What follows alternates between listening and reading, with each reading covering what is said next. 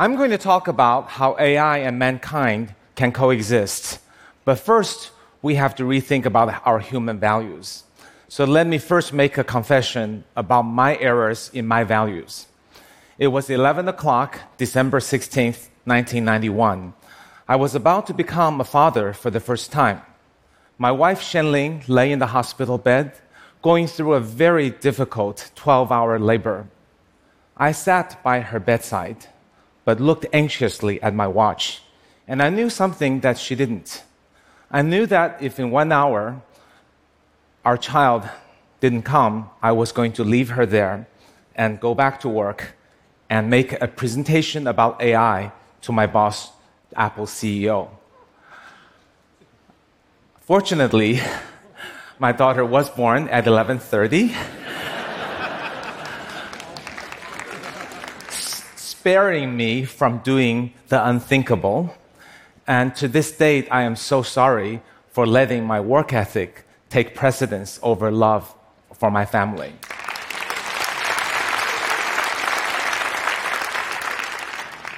My AI talk, however, went off brilliantly. Apple loved my work and decided to announce it at TED 1992, 26 years ago on this very stage. I thought I had made one of the biggest, most important discoveries in AI, and so did the Wall Street Journal on the following day.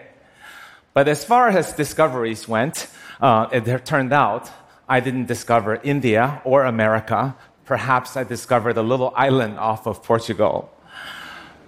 But the AI era of discovery continued, and more scientists poured their souls into it. About 10 years ago, the grand AI discovery was made by three North American scientists, and it's known as deep learning.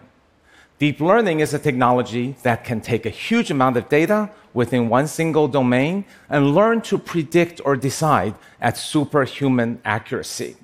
For example, if we show the deep learning network a massive number of uh, food photos, it can recognize food such as hot dog or no hot dog. or if we show that many pictures and videos and sensor data from uh, driving on the highway, it can actually drive a car as well as a human being on the highway. And what if we show this deep learning network all the speeches made by President Trump? Then this artificially intelligent President Trump, actually the the network can.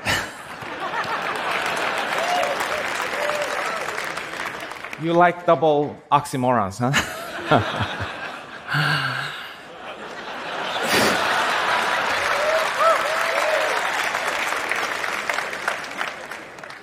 so, this network, if given the request to make a speech about AI, he or it might say, it's a great thing to build a better world with artificial intelligence. And maybe another language.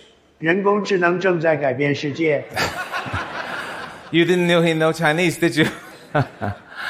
so, deep learning has become the core in the era of AI discovery, and that's led by the US. But we're now in the era of implementation, where what really matters is execution, product quality, speed, and data. And that's where China comes in. Uh, Chinese entrepreneurs, whom I fund as a venture capitalist, are incredible workers, amazing work ethic. Uh, my example in the delivery room is nothing compared to how hard people work in China. As an example, one startup tried to claim work life balance. Come work for us because we are 996. And what does that mean? It means the work hours of 9 a.m. to 9 p.m., six days a week. That's contrasted with other startups that do 997. And the Chinese product quality has consistently gone up in the past decade. And that's because of a fiercely competitive environment. In Silicon Valley, entrepreneurs compete very gentlemanly, in a very gentlemanly fashion, sort of like in old wars which, in which each side took turn to fire at each other. But in the Chinese environment, it's truly a gladiatorial fight to the death. In such a brutal environment, entrepreneurs learn to grow very rapidly. They learn to, to make their products better at lightning speed, and they learn to hone their business models until they're impregnable. As a result, great Chinese products like WeChat and Weibo are arguably better than the equivalent American products from Facebook and Twitter. And the Chinese market embraces this change and accelerated change and paradigm shifts. As an example, if any of you go to China, you will see it's almost cashless and credit cardless. Because that thing that we all talk about, mobile payment, has become the reality in China. In the last year, 18.8 trillion US dollars were transacted on mobile internet. And that's because a very robust technology is built behind it. It's even bigger than the China GDP. And this technology, you can say, how can it be bigger than the GDP? Because it includes all transactions, wholesale, channels, retail, online, offline, uh, going into a shopping mall or going into a farmer's market like this. The technology is used by 700 million people to pay each other, not just merchants. So it's peer to peer. And it's almost transaction fee free. Uh, and it's instantaneous. Uh, and it's used everywhere. And, and finally, the China market is enormous. This market is large, which helps give entrepreneurs more users, more revenue, more investment, but most importantly, it gives the entrepreneurs a chance to collect a huge amount of data, which becomes rocket fuel for the AI engine. So as a result, the Chinese AI companies have leaped ahead so that today the most valuable companies in computer vision, speech recognition, speech synthesis, machine translation, and drones are all Chinese companies.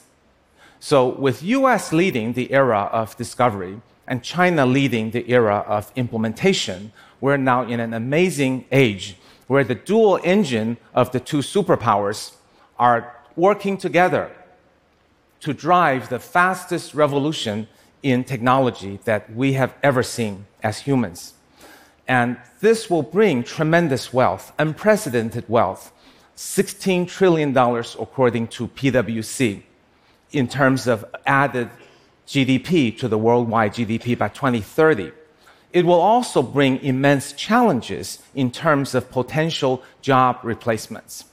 Whereas in the industrial age, it created more jobs because craftsman jobs were de- being decomposed into jobs in the assembly line. So more jobs were created.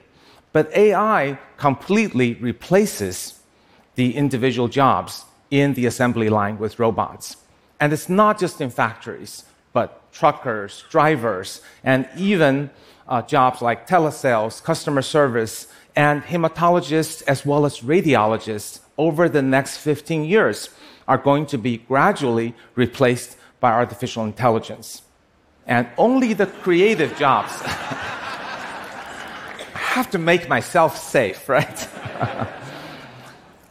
really, the creative jobs are the ones that are protected because AI can optimize but not create.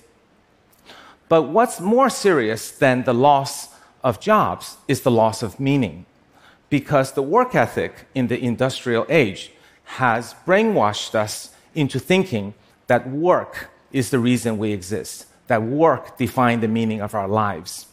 And I was a prime and willing victim to that type of workaholic thinking. I worked incredibly hard. That's why I almost left my wife in the delivery room. That's why I worked 996 alongside of my entrepreneurs. And that obsession that I had with work ended abruptly a few years ago when I was diagnosed with fourth stage lymphoma.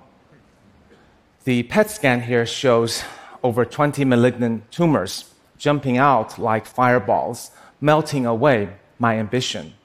But more importantly, it helped me re examine my life. Knowing that I may only have a few months to live caused me to see how foolish it was for me to base my entire self worth on how hard I worked and the accomplishments from hard work. My priorities were completely out of order. I neglected my family. My father had passed away, and I never had the chance to tell him I loved him. My mother had dementia and no longer recognized me, and my children had grown up. During my chemotherapy, I read a book by Bronnie Ware who talked about dying wishes and regrets of the people in the deathbed. She found that facing death, nobody regretted that they didn't work hard enough in this life. They only regretted that they didn't spend enough time with their loved ones and that they didn't spread their love. So I am fortunately today in remission.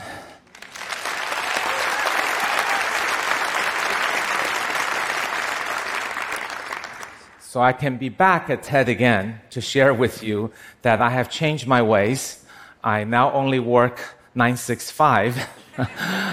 Occasionally 996, but usually 965. Uh, I moved closer to my mother. My tr- wife usually travels with me. And when my kids have vacation, if they don't come home, I go to them. So it's a new form of life that helped me recognize how important it is that love is for me. And facing death helped me change my life, but it also helped me see a new way of how AI should, should impact mankind and work and coexist with mankind. That really what where AI is taking away a lot of routine jobs, but routine jobs are not what we're about. Where why we exist is love. When we hold our newborn baby, love at first sight. When we help someone in need, humans are uniquely able to give and receive love. And that's what differentiates us from AI. Despite what science fiction may portray, I can responsibly tell you that AI has no love.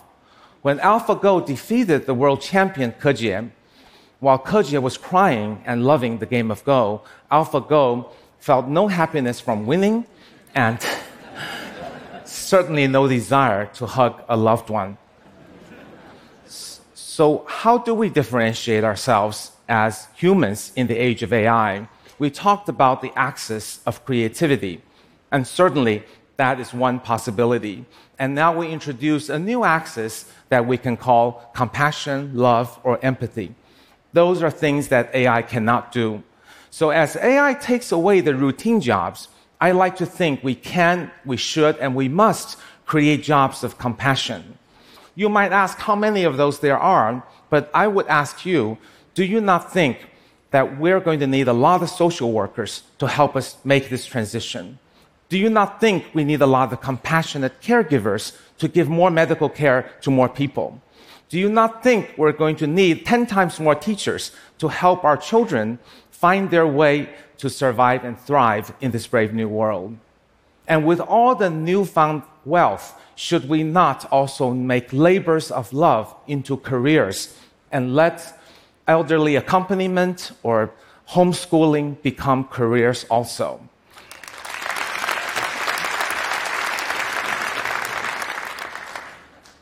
This graph is surely not perfect, but it points at four ways that we can work with AI.